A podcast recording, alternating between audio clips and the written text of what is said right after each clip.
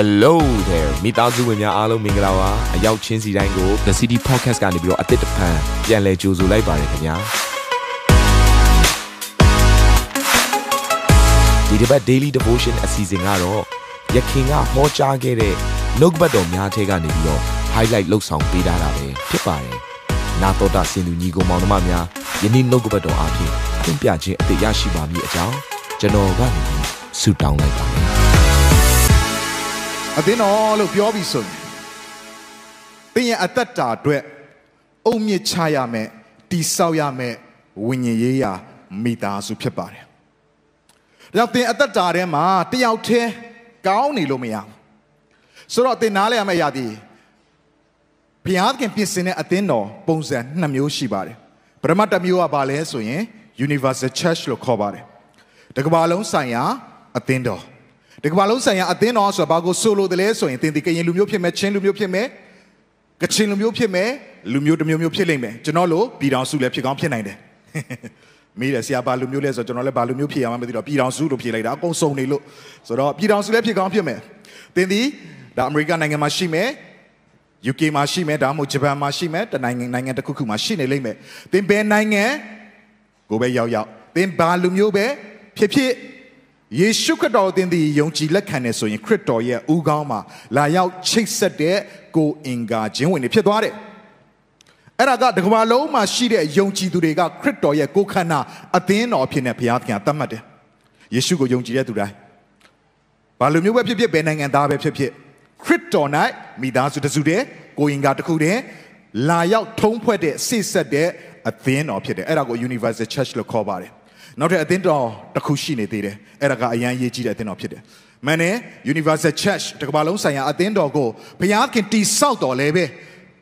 ဘုရားခင်ရဲ့အမှုကိုဆောင်ဖို့ရန်အတွက်ကြတော့ဘုရားခင်တကမ္ဘာလုံးဆိုင်ရာအသင်းတော်နဲ့အလုံးမလုပ်ဘူးဘာနဲ့အလုပ်လုပ်လဲဆိုရင် local church လို့ခေါ်တဲ့ဒေသန္တရအသင်းတော်ဒီဟာနဲ့အလုပ်လုပ်ပါတယ်ဒေသန္တရအသင်းတော်လို့ပြောတဲ့မြို့ရွာတွေမှာတိုင်းဒေသမြို့နယ်တွေမှာ အဲ့ဒီမြို့နဲ့ရက်ကွက်နဲ့ဆိုင်နဲ့အသင်းတော်တွေကိုဒေသနာအသင်းတော်လို့ခေါ်ပါတယ်။သို့ထိန်တယောက်ကဒါမှမဟုတ်ရင် apostolic leadership ခေါင်းဆောင်တွေကဥဆောင်နေတဲ့အသင်းတော်ကိုဘုရားခင်သည်ဘိတ်သိပ်ပေးပြီးတော့မှထိုအသင်းတော်နဲ့ကြီးတော်မှုရာတွေကိုပြုတာဖြစ်တယ်။အဲ့တော့ညီကောင်မတို့သင်သည်အသင်းတော် Universal Church ကိုဘယ်ချိန်မှာသင်တက်ရောက်တယ်လဲဆိုတော့ဘယ်ချိန်မှာရတယ်လဲဆိုတော့ယေရှုခရစ်တော်ကိုကယ်တင်ပါရှင်ဖြစ်ယုံကြည်လက်ခံတဲ့အခါမှာသင်သည်တကမ္ဘာလုံးဆိုင်အသင်းတော်ရဲ့အသင်းသားဖြစ်သွားတယ်။ ဒါပေမဲ့နောက်ထပ်အရေးကြီးတဲ့တစ်ခုရှိတယ်အဲ့ဒါဘာလဲဆိုတော့သင် local church မှာသင်ရဲ့အသက်တာကိုအုံမြင့်ချတိဆောက်တတ်ဖို့ရန်အတွက်အရန်ရေးကြီးတယ်ဘာကြောင့်လဲခဏနေကြရင်ကျွန်တော်တို့အချက်တွေနဲ့ပြောသွားတဲ့ခါသင်နားလည်လာလိမ့်မယ်ဒေသနာဆိုင်ရာအသင်းတော်ဘလောက်တောင်သင်အတွက်အရေးကြီးတယ်လဲဆိုတာကိုသင်သဘောပေါက်နားလည်လိမ့်မယ်ညီကောင်မတို့အခုခေတ်ကာလမှာတော့လေနောက်ထပ်အသင်းတော်တစ်ပါးပေါ်ပေါက်လာတယ်အဲ့ဒါကို virtual church လို့ခေါ်တယ်ဒါကတော့နှုတ်ကပတ်တော်တွေကမဖော်ပြထားတဲ့အသင်းတော်ဖြစ်တယ်ခေတ် အပြောင်းလဲရခေတ်ရဲ့လိုအပ်ချက်ရကျွန်တော်တို့ကနော်တိုးတက်လာတဲ့အချိန်ကာလနဲ့အညီနောက်ထပ် church ပုံစံတစ်မျိုးအဲ့ဒါကို virtual church နော်ဒါဘာလဲဆိုရင်ကျွန်တော် internet တွေကနေတဆင့် online တွေကနေတဆင့် live streaming ကနေတဆင့်ပါဝင်တက်ရောက်နေအခုဆိုရင်ခု online ကနေပါဝင်တက်ရောက်နေညီကောင်မတွေရှိတယ်ဒါကသူတို့ virtual church အနေနဲ့တက်ရောက်နေတာဖြစ်တယ် ဆိုတော့ Zoom အားဖြင့်တော့၎င်းဒါတွေအားလုံး virtual church သို့တော်လည်းအဲ့ဒီအရာနဲ့ဘုရားကံအလုံးလုံးမှာမဟုတ်ဘူးအဲ့ဒါအားဖြင့်တော့ဝိညာဉ်ရေးရာမှာနှုတ်ကပတ်တော်တော့ရသွားလိမ့်မယ်သို့တော်ကျမ်းစာထဲမှာအဲ့ဒီအရာမပါဘူးခေခေကြောင်တာလည်းလိုအပ်ချက်ကြောင်တာလည်းရောက်လာတာဖြစ်တယ်ပေါ်ထွက်လာတာဖြစ်တယ်ဆိုတော့ဘုရားကံအလုံးလုံးတဲ့အသင်းတော်နှစ်ပါးရှိတဲ့တစ်ခုကတော့ Universal Church နောက်တစ်ခုကတော့ဘုရားခင်အမှုပြုတဲ့ဘုရားရဲ့တကူအခွင့်အာဏာအနှင်းထားတဲ့အသင်းတော်ဒေသနာအသင်းတော် local church ဖြစ်ပါတယ်ဆိုတော့ဒီနေရာလေးမှာသင် နားလေသဘောပေါက်မယ့်အရာလေးတစ်ခုရှိတယ်တချို့ကပြောကြတယ်ရောတော်ပြီးတော့တမန်ကျမ်းစာကိုသင်လည်းပဲအဲ့လိုနားလေထားရရှိကောင်းရှိမယ်ကျွန်တော်ဒီနေ့မှာ alignment လေးပြန်လုပ်ပေးခြင်းနဲ့ဟောတေကောခန်းကြီး6အငယ်19မှာရှိတဲ့သင်တို့ဒီတဲ့တန်ရှင်တော်ဝိညာဉ်တော်ကျင့်ဝတ်တော်မူသောသင်တို့ရဲ့ကိုယ်ခန္ဓာကဗိမာန်တော်ဖြစ်တယ်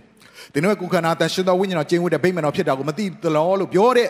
ဝိညာဉ်တော်ကျင့်ဝတ်တဲ့ဗိမာန်တော်ဖြစ်တယ်ဆိုတာကိုသင်နားလဲရမယ်ယေရှုခရစ်တော်ဖခင်ကိုယုံကြည်တဲ့အခါမှာတန်ရှင်တော်ဝိညာဉ်တော်ကသင်ရဲ့အဲမှာနေရာယူပြီးတော့ ဝိညာဉ်တော်ဖခင်ကကျင့်ဝတ်တဲ့